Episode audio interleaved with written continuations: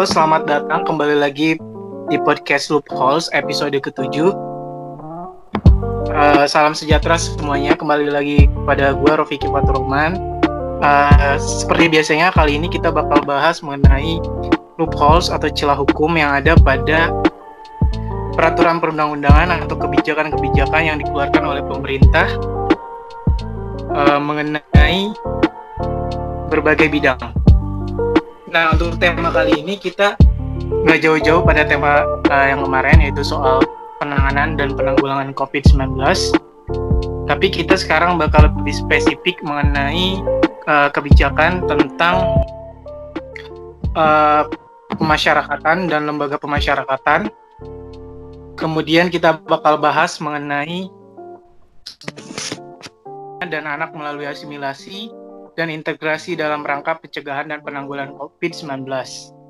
Uh, sebelum kita mulai lebih lanjut podcast ini, gue pengen uh, introduce dulu kepada narasumber kita saat ini um, yang menjadi perbedaan dari podcast-podcast sebelumnya. Kali ini gue dan teman-teman bakal uh, punya um, experience dan punya kapasitas dan kapabilitas dalam bidang uh, hukum acara dan litigasi dan lainnya. Mbak Katria Collins. Gue bakal uh, abang gue. Senior gue. Ya. uh, ya. namanya Bang senior Joshua kita, Collins. Uh, dia dari segi experience achievement dan publication udah banyak banget. salah satu experience terakhirnya dia pernah menjadi researcher at Indonesian Judicial Research Society. Kemudian achievement salah satu achievementnya dia pernah jadi first winner pada Legal Review Asian Law Student Association pada 2016. Kemudian publication yang paling barunya dia um, pernah nge-publish pada Juris Journal yaitu penerapan waris pidana sebagai extraordinary measure untuk memberantas korupsi di Indonesia. Kemudian dari research projectnya dia pernah menjadi researcher pada supporting Agoan Supreme Court in developing sentencing guidelines for corruption case project pada tahun 2018 sampai saat ini. Uh, mungkin untuk teman-teman gue yang lainnya seperti Julvia, Julvia dan Ricky Sitompul nggak usah di introduce karena mungkin kalian udah sering dengar mereka semua. Nah, yang bakal jadi bahasan kita saat ini, gue bakal kasih introduce secara general dulu apa sih yang bakal jadi bahasan topik pada diskusi saat ini, yaitu mengenai um, yang tadi gue bilang mengenai pengeluaran uh, regulasi yaitu pengeluaran narapidana dan anak melalui asimilasi dan integrasi dalam rangka pencegahan dan penanggulangan COVID-19. Seperti yang kita ketahui, uh, pemidanaan atau atau biasa disebut sebagai pemasyarakat, pemasyarakatan merupakan salah satu bagian dari social justice system di Indonesia. Dari tatanannya dia sebagai tatanan yang paling akhir. Karena tatanan yang paling akhir, sehingga uh, dalam sistem peradilan pidana ini memiliki harapan atau tujuan tertentu yang sejatinya harus dicapai pada pada proses uh, proses pemasyarakatannya karena dalam dalam sistem pemidanan uh, dalam sistem pemidanan ini si pemasyarakatan adalah uh, dalam proses pelaksananya diharapkan dari proses uh, pemasyarakatan ini dapat dapat sesuai dengan apa yang masyarakat ingin, masyarakat inginkan. Kemudian seperti kita ketahui nih, berapa uh, pemasyarakatan di Indonesia tuh berdasarkan Undang-Undang Nomor 15 tahun 19 5 9 eh 1995 dibagi menjadi dua kan. Yaitu pemasyarakatan yang intramural dan pemasyarakatan ekstramural, yaitu pemasyarakatan di dalam lapas kemudian pemasyarakatan di luar lapas atau uh, yang biasa kita sebut sebagai asimilasi. Kemudian uh, terjadi beberapa pergeseran uh, legatum dalam penyebutan pemasyarakatan. Dulu masyarakat menilai pemasyarakatan sebagai pemenjaraan. Namun karena uh, tujuan pemasyarakatan dinilai sebagai restorasi, restorasi kepada nilai-nilai uh, nilai-nilai yang harus harus harus kembali di uh, dijunjung atau di yang harus ditanamkan kepada narapidana kemudian dirubah namanya ber, menjadi uh, pemasyarakatan dibandingkan pemenjaraan Kemudian yang menjadi titik uh, utama dari pemasyarakatan adalah untuk melakukan pembinaan pemasyarakatan berdasarkan sistem kelembagaan dan cara pembinaan yang merupakan bagian akhir dari sistem pemidanaan. Um, tadi gue udah jelasin beberapa jenis pemasyarakatan. Yang yang pertama ada pemasyarakatan immoral dan ekmoral. Yang menjadi polemik di masyarakat adalah ketika terjadinya COVID-19 jadi dikeluarkannya beberapa regulasi yang dikeluarkan oleh pemerintah untuk menangani uh, overcrowding yang yang terjadi pada lembaga pemasyarakatan. Di latar belakang dari proses asimilasi ini, pada sebenarnya yang menjadi alasan utama dari proses asimilasi ini uh, di uh, dikarenakan ada beberapa hal. Yang pertama uh, dari segi infrastruktur, kemudian dari segi alasan um, alasan sosial ini. Dari segi alasan infrastruktur, kapasitas dari uh, lapas yang ada di Indonesia pada tahun 2018 hanya sebesar 150 jiwa. Namun uh, penghuninya sekarang ini ada 250 ribu jiwa. Berdasarkan alasan tersebut sudah terjadi uh, overcrowding atau kelebihan kapasitas yang terjadi di, di berbagai eh, lapas-lapas yang ada di Indonesia. Kemudian salah satu alasan terjadinya um, asimilasi ini juga adanya COVID-19 ini. Nah, dari segi persyaratan-persyaratan yang ada pada Undang-Undang Nomor 15 tahun 1995 tahun 1995 ini tidak menjelaskan secara uh, secara spesifik mengenai syarat-syarat seorang itu dapat di, dilakukan asimilasi. Kemudian dalam keputusan menteri juga keputusan menteri, alasan yang uh, dari dari peraturan menteri ini asimilasi ini hanya bisa dilakukan pada uh, narapidana yang narapidana yang yang memiliki uh, medium risk dan low risk. Nah, jadi tidak dijelaskan dari segi kualifikasi tindak pidananya, uh, kemudian dari kualifikasi diklasifikasikan kepada jenis, tiga jenis ini. Yang pertama ada high risk, medium risk, dan low risk. Jadi yang boleh diasimilasi itu hanya medium dan low risk saja berdasarkan keputusan Menteri nomor 35 tahun 2018 tentang revitalisasi penyelang, penyelenggaraan pemasyarakatan ini. Nah, uh, jadi berdasarkan aturan-aturan ini, ketika terjadinya uh, proses asimilasi dikarenakan kekurangan infrastruktur dan alasan sosial dan alasan kesehatan karena COVID-19 ini banyak uh, masyarakat mengartikan bahwa apa yang terjadi ketika telah terjadinya uh, asimilasi ini banyak meng mengakibatkan dampak negatif yang dirasakan oleh masyarakat.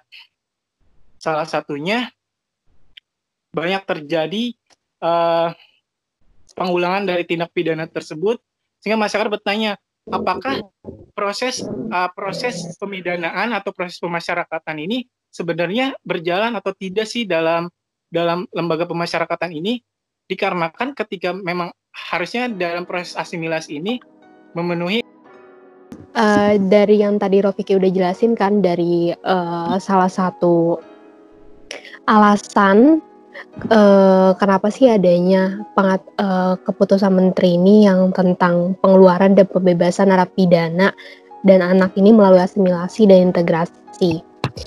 Nah, ini, ini menurut uh, gue baca kan bahwa di menurut uh, menurut data yang ada ya kan di mana jumlah uh, penghuni lapas kita ini kan lebih kapasitas yang ada kan di mana persentasenya itu hingga 106%.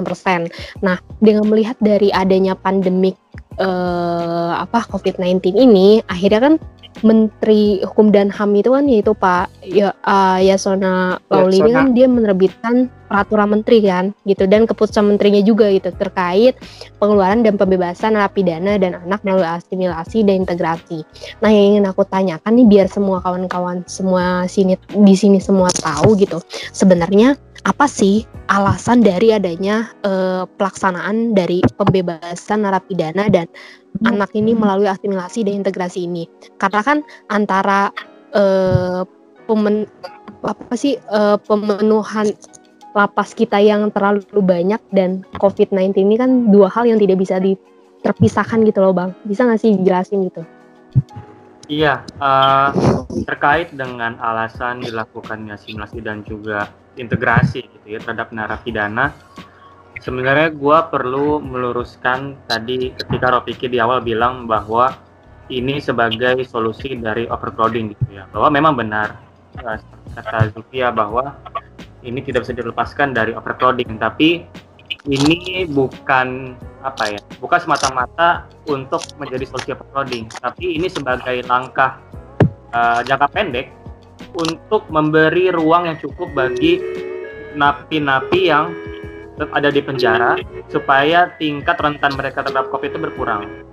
Jadi ini ini ini memang bukan solusi yang satu untuk overcrowding ya. Tapi overcrowding itu menjadi alasan bahwa memang uh, lapas kita gitu ya harus mengeluarkan beberapa napi memenuhi syarat supaya ketika beberapa orang ini keluar maka orang-orang yang masih di dalam karena dalam syarat itu memiliki ruang yang cukup untuk melakukan social distancing maupun fasilitas kesehatan yang memadai di dalam lapas gitu ya. Karena uh, lagi-lagi tadi kalau orang yang kebanyakan di dalam lapas akses kesehatannya terbatas, petugas lapas terbatas, petugas kesehatannya terbatas, maka tingkat kerentanan long COVID itu uh, begitu besar gitu ya.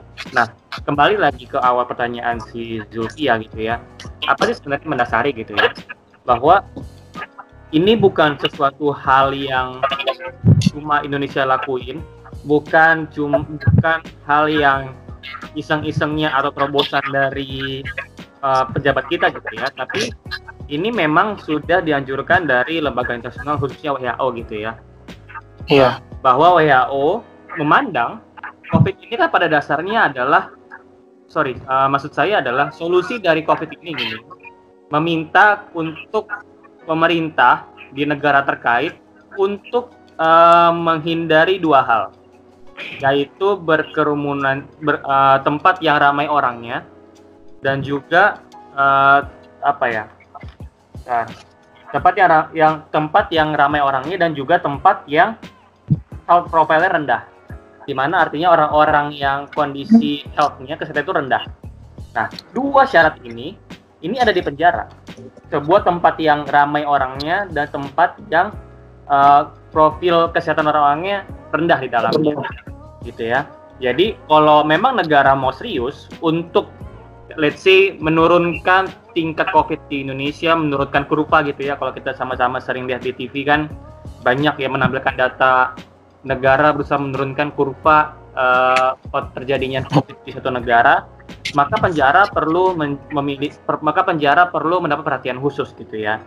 Dan kalau melihat di dalam uh, perkembangan uh, dari gerakan untuk mengeluarkan narapidana ini gitu ya, ini sebenarnya kalau secara dulu-duluan Iran sudah menjadi negara pertama yang melakukan ini tercatat hmm. Iran ini melakukan pada tanggal 20 Maret 2020.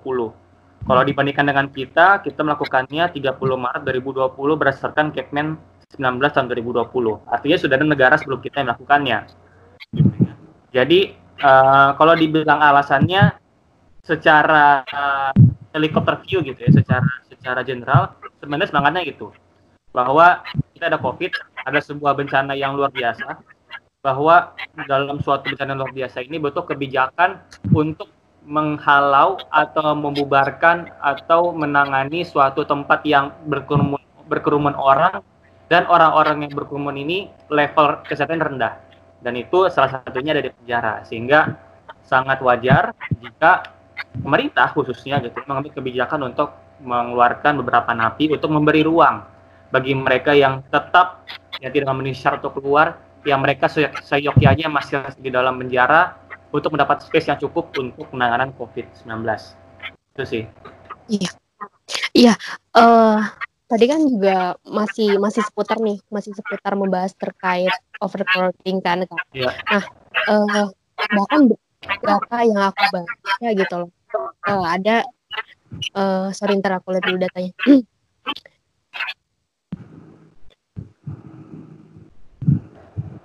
uh, ya pokoknya uh, ya nanti menyusul mungkin ya data sumbernya dari mana. Jadi uh, ada data per Februari 2018 yang menunjukkan bahwa uh, selisih antara jumlah total penghuni dan petugas lapas satu rutan itu mencapai angka uh, 113.313. Artinya kan ini overcrowding di rutan atau lapas di Indonesia ini kan pada Februari 2018 ini kan mencapai angka 90 eh, 91,69 persen kan gitu. Apakah dengan situasi dari overcrowding di rutan atau lapas ini itu akan mengakibatkan beberapa masalah yang ditimbulkan nggak sih kak gitu loh dari kita melihat bahwa kan uh, dari apa uh, tadi antara penghuni dan petugas ini uh, bahkan bisa dikatakan katanya lebih banyak penghuninya gitu. Kalau kira-kira ada nggak sih kak dari overcrowding ini masalah lain gitu? Kayak misalkan nggak uh, berjalan dengan baik, kayak adanya apa sih pelatihan-pelatihan gitu loh yang dalam lapas kan tuh biasanya ada tuh kak. Gimana itu kak? Ya, uh, kalau dari data yang saya punya, sebenarnya data overcrowding kita itu ada di kisaran 204 persen, gitu ya. Tapi mungkin nanti kita bisa sama-sama cross check. Bahkan ada di satu lapas, namanya lapas Cipinang, itu kapasitasnya sorry, orangnya di dalamnya itu 400 persen dari kapasitas. Jadi empat kali lipat dari kapasitasnya. Nah, kalau berbicara mengenai apa saja masalah yang timbul dari overcrowding ini ya. Jadi saya mencoba berbicara dalam konteks kita dalam keadaan normal. Kalau dalam keadaan normal saja tercatat bahwa penyakit yang paling banyak diderita oleh uh, penghuni lapas kita gitu ya adalah penyakit ispa dan penyakit kulit. Kenapa yang terjadi? Karena uh, satu sel bisa berisi 20 orang, rame-rame satu sel yang terbatas uh, luasnya ventilasinya juga tidak memadai, petugas kesehatannya dikit gitu ya. Jadi kayak ventilasinya kurang, nggak bagus, akhirnya yang paling yang paling rentan terkena itu penyakit pernapasan ISPA. Itu menjadi penyakit nomor satu di hutan. Nah, terus yang menjadi masalah selanjutnya adalah petugas kesehatan dan juga petugas lapas. Kalau dari data yang saya dapat gitu ya dari ICGR bahwa jumlah petugas kesehatan kita di lapas satu rutan itu satu berbanding 359 orang napi di Indonesia. Bahwa data ini itu mencakup seluruh jenis tenaga kesehatan. Baik itu tenaga kesehatan dokter gigi, psikiater, dokter umum, itu total satu berbanding 359. Artinya datanya akan lebih parah lagi jika kita mengkerucutkan perbandingan antara dokter yang ngerti soal COVID gitu ya. Dokter yang ngerti soal COVID pasti lebih kecil lagi ininya, uh, perbandingannya Terus juga petugas lapas. Petugas lapas kalau dari data yang saya punya juga satu berbanding 150 orang. Jadi begitu uh, rentannya kondisi overcrowding ini terhadap kesehatan dan juga bagaimana upaya uh, apa namanya ya proses pemasyarakatan dari napi itu di dalam penjara itu sendiri gitu ya bahwa kita kan sama-sama sepakat bahwa tujuan dari uh, lapas kita ini adalah berusaha mengembalikan orang ini gitu ya menjadi uh, memurnikan dia lagi dan siap kembali kepada masyarakat. Nah, inilah kondisi yang terjadi karena overcrowding sehingga sangat begitu rentan terhadap COVID gitu. Jadi normal dalam kondisi normal aja penyakit pernapasan ISPA menjadi penyakit pertama di rutan atau di di di, di lapas. Apalagi kalau kondisi yang tidak normal seperti ini semakin rentan lagi terhadap penyakit COVID yang menyerang pernapasan. Jadi seperti itu kira-kira uh, Zulfia. Iya. Oke, okay. next lanjut Rafiki. Oke. Okay. Um, tadi kan uh, gue ikut nanya ya. Tadi kan uh, lu kak sempat bahas mengenai salah satu alasan utama dari proses uh, simulasi ini adalah alasan kesehatan serta uh, salah satu upaya untuk penanggulangan penyebaran COVID-19 ini. Um, apakah um, apakah alasan dari alasan dari asimilasi ini sebagai upaya pembenaran bukan sih dari pemerintah atas gagalnya upaya revitalisasi dari uh, dari segi uh, sarana dan prasarana pemasyara lembaga pemasyarakatan yang ada di Indonesia atau ataukah emang ini sudah tepat dikarenakan uh, dari segi alasan yang lu bilang tadi memang lebih lebih apa ya lebih penting gitu untuk diutamakan gitu untuk untuk situasi seperti saat ini. Iya. Itu kan. Uh, Oke. Okay. Uh, memang untuk uh, dalam jangka pendek, dalam jangka pendek gitu ya, ini memang langkah yang paling tepat untuk diambil karena tadi sudah kita bahas penjara itu sangat rentan sekali terhadap penyebaran COVID sebuah lokasi yang tertutup sebuah lokasi yang tidak bagus ventilasinya, sanitasinya tidak bagus, sebuah lokasi yang banyak berkerumun orang dan uh, orang-orang yang diisi oleh uh, level kesehatan rendah gitu ya. Karena kita sama tadi kita sudah bahas bagaimana akses kesehatan begitu rendah di dalam di dalam penjara dalam lapas karena pertama jumlah tenaga kesehatan.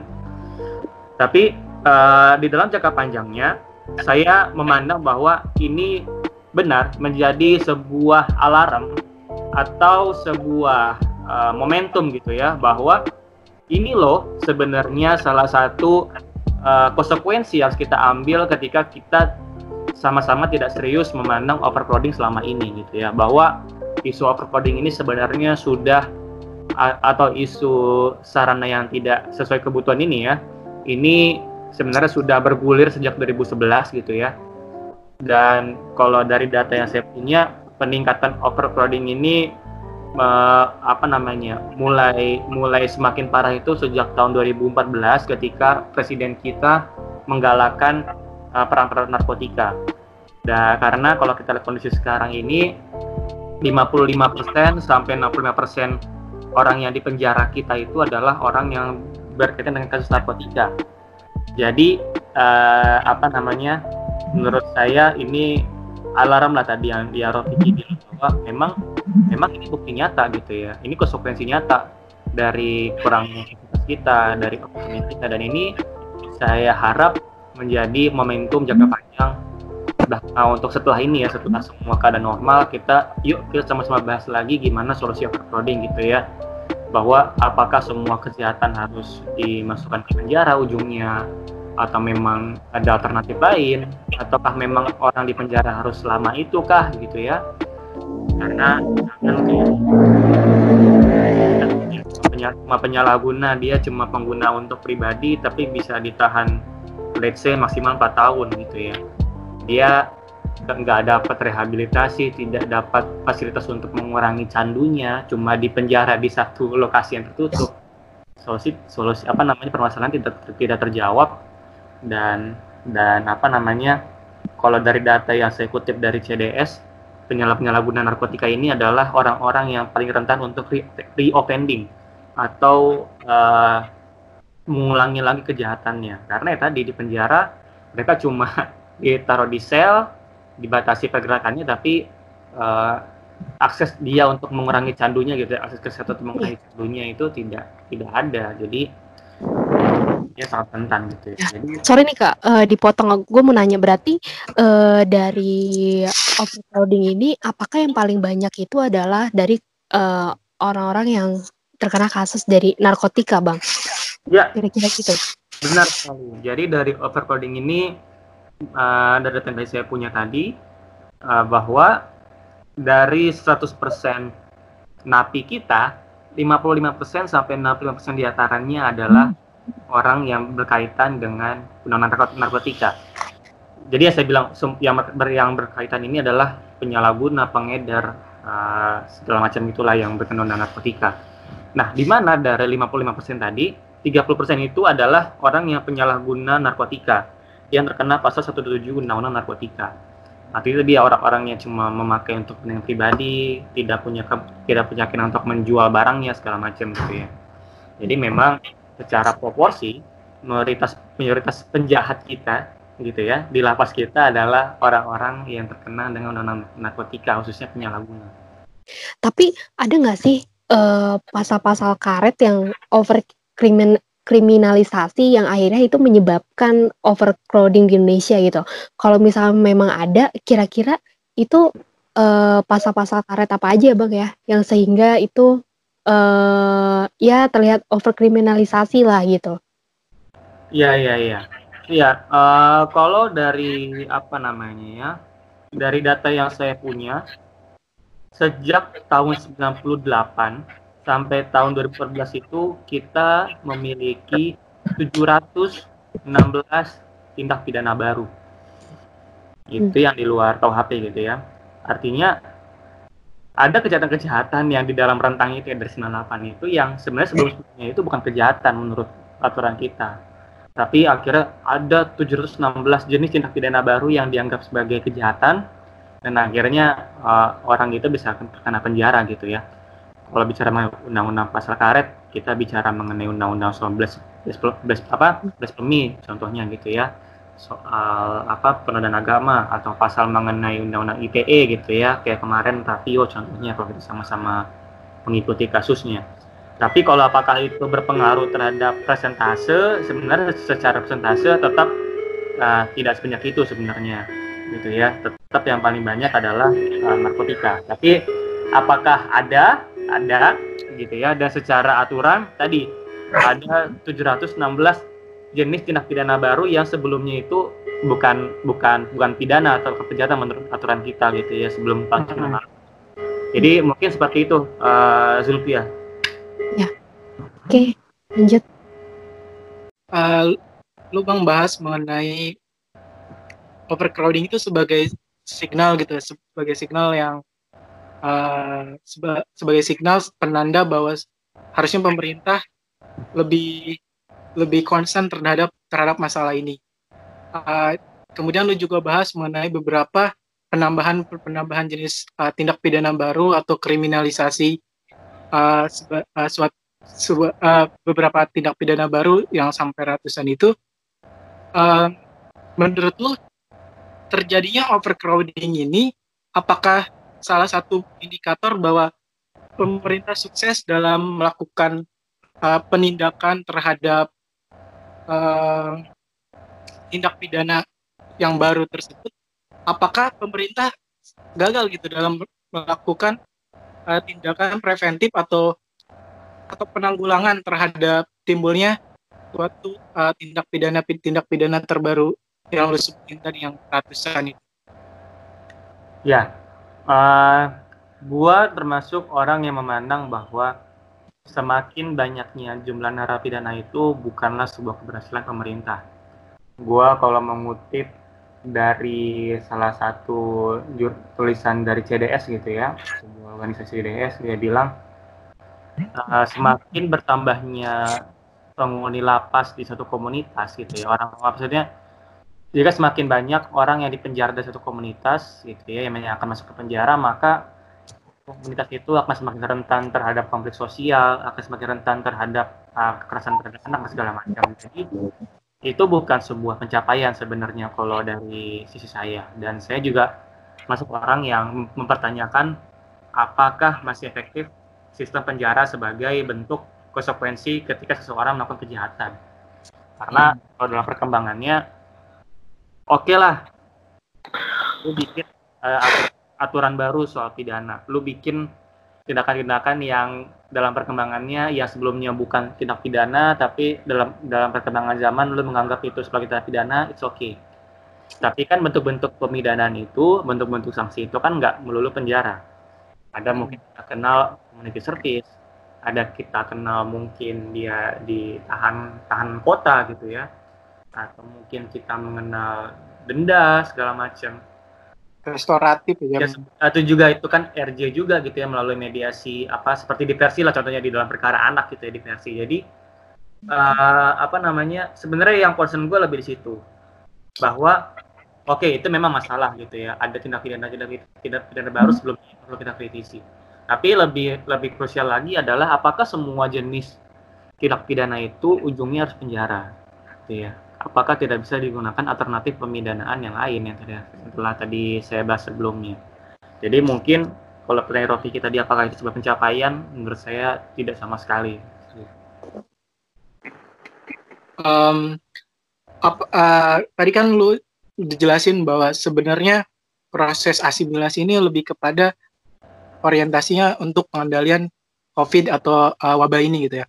Hmm. Apakah dari proses asimilasi yang dilakukan oleh pemerintah ini sebenarnya menggunakan esensi dari asimilasi nggak sih kayak sebenarnya kan proses asimilasi itu kayak peleburan nilai-nilai yang yang emang gak baik untuk menjadi baik dan bisa dijalankan uh, bisa cocok gitu kepada lingkungan masyarakat gitu. Apakah memang proses asimilasi ini udah jauh dari existence uh, arti arti dari proses asimilasinya atau memang bagaimana gitu dalam prakteknya karena gue lihat uh, yang lu bilang tadi bahwa sebenarnya proses asimilasi ini lebih kepada penanggulangan dibandingkan uh, untuk upaya peleburan kembali ke, ke dalam masyarakat. Yang gue lihat karena karena alasan yang lebih mainnya itu lebih kepada uh, penanggulangan ini, masyarakat cenderung tidak menerima gitu dari si uh, siapa namanya si narapidana yang yang diasimilasinya yang dikeluarkan dari dari lapas ini gitu bang. Menurut lo gimana asimilasi? Iya, uh, kalau menurut gua dan kalau berkaca kepada Kepmen uh, Menteri yang 19 tahun 2020 itu bagaimana dia menjelaskan proses asimilasi dan juga bagaimana mekanismenya menurut saya memang masih kurang gitu ya karena sejauh yang saya baca di aturan tersebut kan sebatas di data lu disuruh stay di rumah lu terus kayak lu laporan berkala gitu ya dan lu kan diawasi oleh bapak. Uh, dari pandangan hemat dari hemat saya itu memang kurang gitu ya. Itu tidak menyentuh definisi dari asimilasi atau semangat asimilasi yang seutuhnya. Karena bicara asimilasi ya tadi yang ya Rafiki bilang bahwa masyarakat dia dilaburkan kepada masyarakat dan masyarakat juga membantu dia untuk untuk dilaburkan. Seperti tadi saya baca sebenarnya sudah ada aturan dari aturan internal dari Dirjen Dirjen Lapas kalau saya nggak salah ada semacam uh, pembentukan komunitas masyarakat yang menerima mereka dan ada program-program yang didukung oleh pemerintah supaya si orang ini bisa berbaur lagi dengan masyarakat gitu ya. Ada programnya lah, kasarnya kayak gitu. Tapi dan lagi-lagi ini ini memang solusi jangka pendek. Ini murni karena kayak ayo kita ambil langkah yang langkah yang cepat supaya kita bisa kasih space di di lapas atau di penjara. Dan salah satu mekanisme yang ada ya akhirnya asimilasi dan juga integrasi gitu ya. Karena kalau lu ngambil amnesti artinya lu bilang bahwa dia nggak salah kayak Mas Nuril gitu ya menghapuskan ya kesalahannya atau apa apalah gue lupa istilah ininya ilmuannya kalau lu ambil gerasi itu cuma ngurangin durasi penjaranya Maksudnya. gitu. nah makanya yang diambil akhirnya simulasi dan juga uh, pembebasan bersyarat tapi yang perlu dicatat oleh teman-teman semua kedua itu uh, tidak sama dengan, dengan pembebasan murni gitu ya kalau asimilasi itu diksi yang pas adalah pengeluaran kalau tadi yang integrasi, diksi yang pas adalah pembebasan bersyarat. Artinya apa? Perbedaannya adalah dia bukan model-model yang kayak ini dari lapas, lu keluar lepas nih, nggak ada lagi urusan lu sama nggak kayak gitu. Tapi karena diksinya adalah simulasi dan juga integrasi, maka tetap harus ada laporan ke Bapas, tetap ada pengawasan gitu ya. Jadi dia tidak benar-benar uh, dibebaskan gitu ya segala macam. Tapi balik lagi kalau apakah ini sudah ideal secara konsep simulasi, saya pikir masih jauh dari harapan. Tapi tadi uh, apa namanya ketika tadi saya baca-baca di akunnya Kemenkumham Instagramnya ada yang cerita di kolom komentar di satu daerah gitu ya di daerah Sumatera satu satu RW gitu mereka membang, membuat sistem di mana para narapidana yang baru keluar yang apa namanya uh, mengalami proses asimilasi dan juga integrasi ini mereka disuruh untuk menjadi relawan COVID-19. Jadi pas mereka datang ke situ mereka diajarin untuk jadi relawan dan akhirnya diberdaya gunakan lah gitu ya. Nah tapi itu memang inisiatif dari komunitas itu sendiri atau atau RW itu sendiri. iya paling ya itu sih dari gua berpikir um, gue mungkin agak agak turn back ke, ke pernyataan yang lu tadi mengenai um, kayak yang mengenai overcrowding tadi ya. Iya. Uh, gue sempat tertarik ke yang menurut lu bilang bahwa sebenarnya itu tuh bukan menjadi um, capaian pemerintah atas adanya overcrowding itu ya. Apakah menurut lu itu salah satu tanda bahwa sistem criminal justice system di Indonesia itu belum efektif gitu? Ketika kita lihat bahwa sebenarnya dari dampak yang ada pada overcrowding ini sebenarnya nilai-nilai pemasyarakatan itu yang ada di di lapas ini nggak tercapai gitu nilai-nilai untuk mengembalikannya mengembalikan untuk bisa diterima ke masyarakatnya karena dari segi infrastruktur dari segi sarana dan dan dari segi um, uh, orang-orangnya juga nggak nggak cukup gitu untuk melakukan proses pemasyarakatan ini. Apakah memang uh, criminal justice system yang ada di Indonesia ini apa apakah emang ini belum efektif gitu tuh dalam proses penanganan ketika seorang telah dijatuhi pidana gitu. Menurut lu pandangan lu gimana bang mengenai criminal justice system di Indonesia ini? Gue cuma mau bilang sepakat sepakat bahwa ini adalah bukti criminal justice system kita masih belum padu dan bukti bahwa proses kualitas dari pembinaan napi di dalam lapas itu masih belum maksimal. Lo nggak mungkin berbicara mengenai uh, kualitas yang bagus di dalam penanganan atau pembinaan napi ini jika orangnya kebanyakan gitu ya.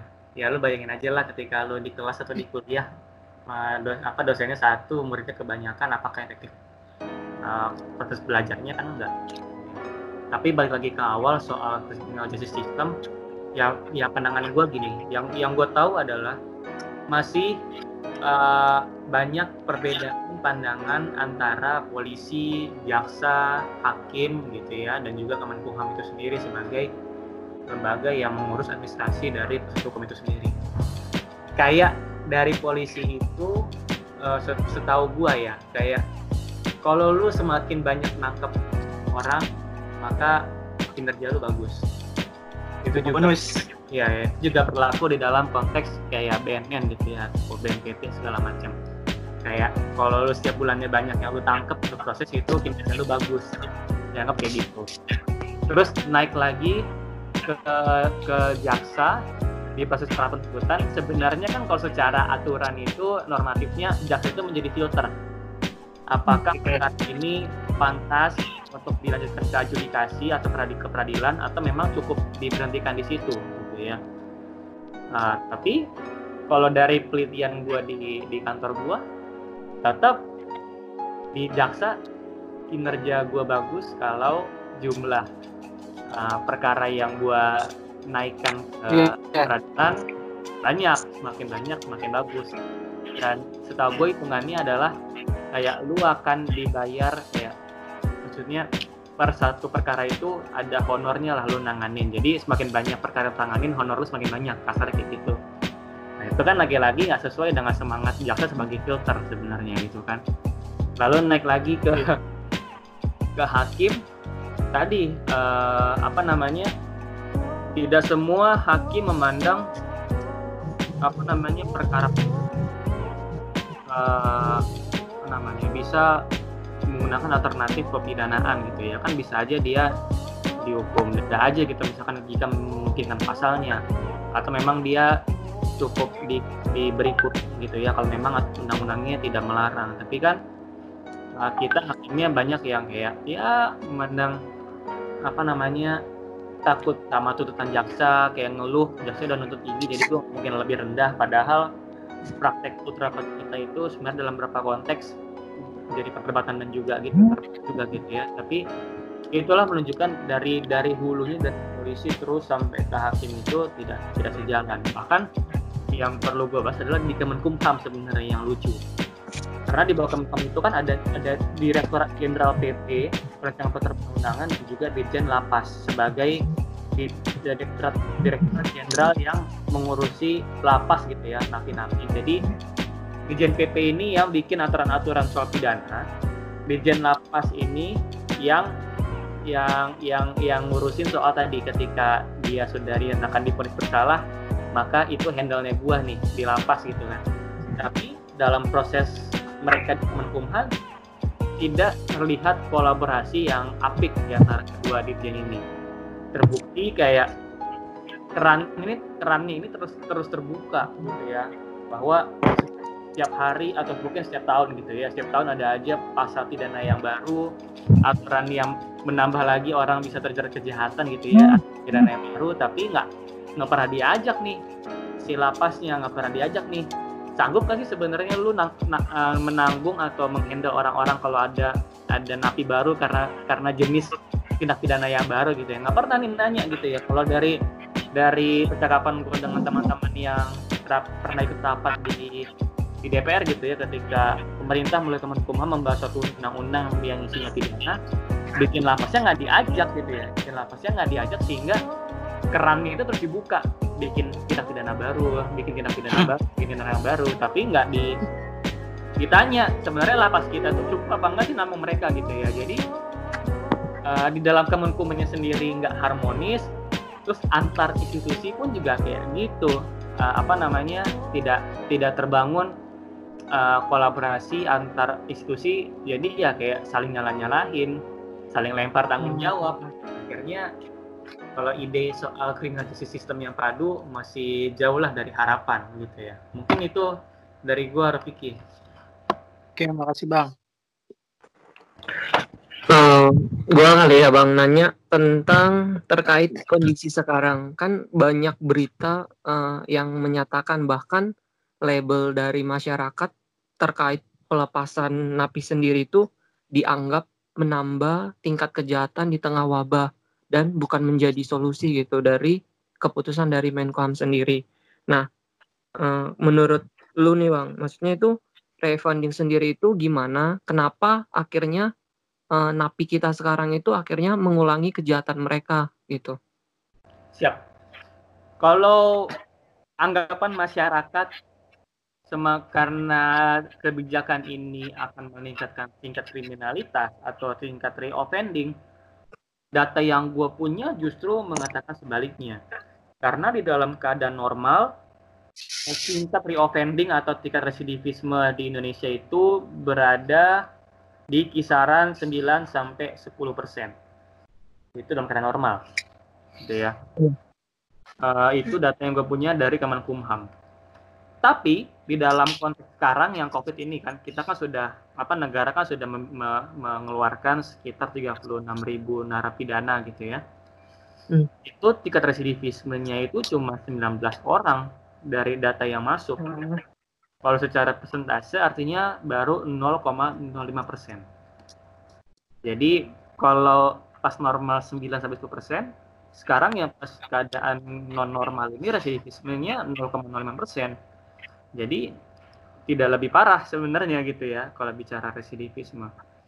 Tapi uh, yang mau gue bilang adalah tidak ada satu negara pun satu sistem atau bukan satu negara sih, maksudnya belum ada jaminan lah bahwa orang-orang yang sudah selesai prosesnya di penjara, sudah selesai pembinaannya, ketika keluar dia terjamin tidak akan melakukan kejahatan lagi. Itu memang tidak ada jaminannya, gitu ya. Bahkan kalau dilihat perbandingan di negara luar, dari data yang gue punya, itu uh, rata-rata tingkat residivisme itu negara-negara luar.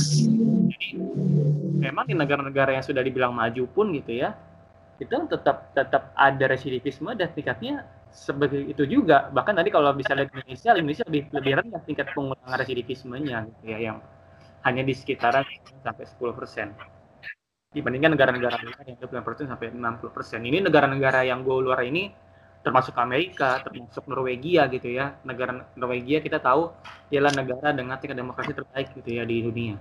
Nah, balik lagi uh, apa yang sebenarnya menyebabkan orang melakukan tidak kejahatan lagi itu sebenarnya banyak faktor. Tapi kalau gua mau bisa bilang ada dua jenis faktor. Faktor yang statis dan juga faktor yang dinamis. Dinamis itu kayak lingkungan lah, faktor mentalnya lah, keluarganya lah segala macam Tapi ada juga alasan statis kayak usia, kayak gender, kayak uh, track record kejahatan dia. Nah, sebenarnya negara dari pandangan gua, negara itu bisa melakukan risk assessment atau menghandle faktor penyebab dia melakukan reoffending terhadap faktor yang statis tadi. Kalau yang dinamis hmm. itu emang gak ada jaminannya lah, udah nggak bisa dipapain lagi. Itu emang kita berdoa berdoa aja lah sama Tuhan yang Maha Kuasa. Tapi yang statis ini, ini negara sebenarnya bisa untuk mengambil suatu tindakan. Caranya apa? Caranya adalah ya tadi memfilter mana sih uh, kejahatan yang tingkat pengulangannya itu rendah untuk reoffending. Hmm. Jadi jadi tadi Rofiki bilang bahwa uh, memang di aturan itu di aturan Kepmen ini tidak ada tidak ada kejelasan. Sebenarnya kualifikasi tindak pidana mana sih yang bisa dibebaskan gitu ya? Eh bukan dibebaskan dikeluarkan. Ya yeah. uh, sebenarnya sih kalau di aturan Kepmen kalau kita lihat lagi uh, uh, kualifikasi itu sebatas semua tindak pidana di luar di luar PP soal pemasyarakatan yaitu di luar kejahatan selain terorisme kejahatan-kejahatan selain korupsi kejahatan-kejahatan selain narkotika yang dihukum di atas lima tahun kejahatan-kejahatan yang di luar dilakukan oleh WNA kejahatan dan kejahatan-kejahatan yang berkaitan dengan HAM berat di luar kejahatan yang tadi gue sebutkan itu bisa dibebaskan gitu ya, eh, di, dikeluarkan. Padahal hmm. uh, kalau dari apa namanya ya, kalau dari tingkat reoffending dari data yang gue dapat dari uh, apa namanya namanya ada ada Bang Leo gitu ya dia ahli kriminologi Indonesia. Dia bilang ada dua jenis tindak uh, tindak pidana yang paling tinggi reoffendingnya di Indonesia. Pertama narkotika yang kedua adalah pencurian. Uh, uh, kalau narkot nah sebenarnya kalau narkotika ini isunya beda gitu ya. Karena tadi yang gue bilang di awal ya lu mayoritas adalah penyalahgunaan narkotika lu let's say katakanlah kecanduan menggunakan narkotika tapi lu cuma di penjara nggak dapat akses rehabilitasi akhirnya lu keluar ya udah lu ngulangin lagi kejahatan narkotika lu di penjara lagi gitu ya dan itu bukan sebuah kejahatan yang ada korbannya victimless hmm. crime asarnya gitu ya kan kalau lu yeah. ya urusan lu sendiri sebenarnya tapi yang menjadi concern adalah pencurian Nah ini harusnya hmm. negara itu membatasi di sini gitu ya. Kalau sudah lu tahu pencurian adalah tindak pidana yang sangat rentan untuk reoffending gitu di Indonesia secara data, harusnya pencurian itu juga termasuk keja orang kejahatan yang lu nggak perlu keluarin gitu ya sebenarnya. Kayak ya itu ditahan oleh negara tidak memenuhi syarat untuk keluar untuk untuk mendapatkan asimilasi dan juga integrasi sebenarnya. Tapi kan itu tidak ada di aturan kita. Tapi yang mau gue bilang adalah gini uh, kalau misalkan narkotika aja di, di konteks narkotika aja gitu ya. Negara serius untuk ngeluarin mereka yang guna ataupun yang dengan narkotika tapi sebenarnya tidak terlalu serius untuk dipenjara gitu ya. Itu dari data yang gue dapat itu totalnya ada 134 ribu uh, napi. Jadi kalau keluarin aja nih semua yang yang narkotika doang ya urusannya urusannya udah kelar sebenarnya. Nggak nggak nggak nggak perlu lagi kita keluarin orang-orang yang kejahatan lain sebenarnya. Tapi kan ya yang yang yang jadi sekarang yang keluar cuma mereka-mereka yang dihukum di bawah lima tahun. Ya itu sebenarnya perlu kita apresiasi gitu ya. Tapi uh, balik lagi apa namanya tingkat uh, tingkat reoffending itu tadi bisa bisa bisa diminimalisir dengan negara meng menghandle alasan-alasan orang reoffending untuk alasan yang statis tadi ya. Yang kayak track kejahatannya segala macam. Mungkin sorry gue tambahin sedikit. Kalau dari WHO gitu ya dia memberi pedoman orang-orang yang sepatutnya tidak dikeluarkan itu adalah pertama mereka-mereka yang punya track atau melakukan kejahatan yang violence yang ada korbannya pencurian pembunuhan dan sejenisnya. Kalau non violence boleh keluar. Terus yang non seksual non seksual nature. Kayak nah, kita kejahatan kekerasan seksual itu harusnya jangan dikeluarin. Gitu ya terus yang ketiga itu domestic violence. Atau kayak mereka-mereka yang terrekodnya adalah kejahatan KDRT misalkan. Itu sebenarnya tiga jenis itu yang kalau menurut WHO itu jangan dikeluarin itu sebenarnya uh, apa namanya tapi kalau di Indonesia kan konteksnya kayak tadi yang gue bilang ada kejahatan tertentu yang belum nggak boleh keluar tapi sisanya boleh boleh keluar gitu ya. Jadi sebenarnya negara bisa mengambil uh, bagian dengan untuk meminimalisir tidak menjamin tidak terulang gitu ya. tapi at least negara bisa tadi. Itu sih. Uh, kan tadi lu sebutin tuh bang kalau ada beberapa kejahatan yang um, emang harus diseleksi atau bahkan seharusnya tidak dikeluarkan ya. atau dapat proses asimilasi. Ya. Nah, apakah ini tidak menjadi salah satu bentuk diskriminasi gitu? Maksudnya label juga ketika kita juga harus uh, menseleksi napi yang bakalan mendapat asimilasi itu sendiri gitu. Ya, karena seperti yang tadi saya katakan sebenarnya kan semangat semangat yang perlu dibangun juga adalah lu harus menjaga fasilitas uh, penjara atau lapas yang memadai untuk penanganan covid tapi lain lu juga menjaga masyarakat yang di luar kan itu sebenarnya. Yang yang yang perlu dijaga bandulnya kan itu antara dua itu. Lu bikin lapas yang aman safety buat penanganan covid tapi sisi lain juga lu harus memikirkan masyarakat di luar nih. Karena kalau lu udahlah ada alasan ham lu langsung keluarin semua ya kecelakaan di luar juga nggak aman sebenarnya. Kan itu juga yang yang menjadi problem sebenarnya. Karena kalau isunya diskriminasi segala macam gue percayalah gue termasuk orang yang percaya itu bisa dibatasi soal diskriminasi soal ham. Dengan alasan yang jelas dan alasan yang clear kita punya 8 JR 2 konstitusi segala macam.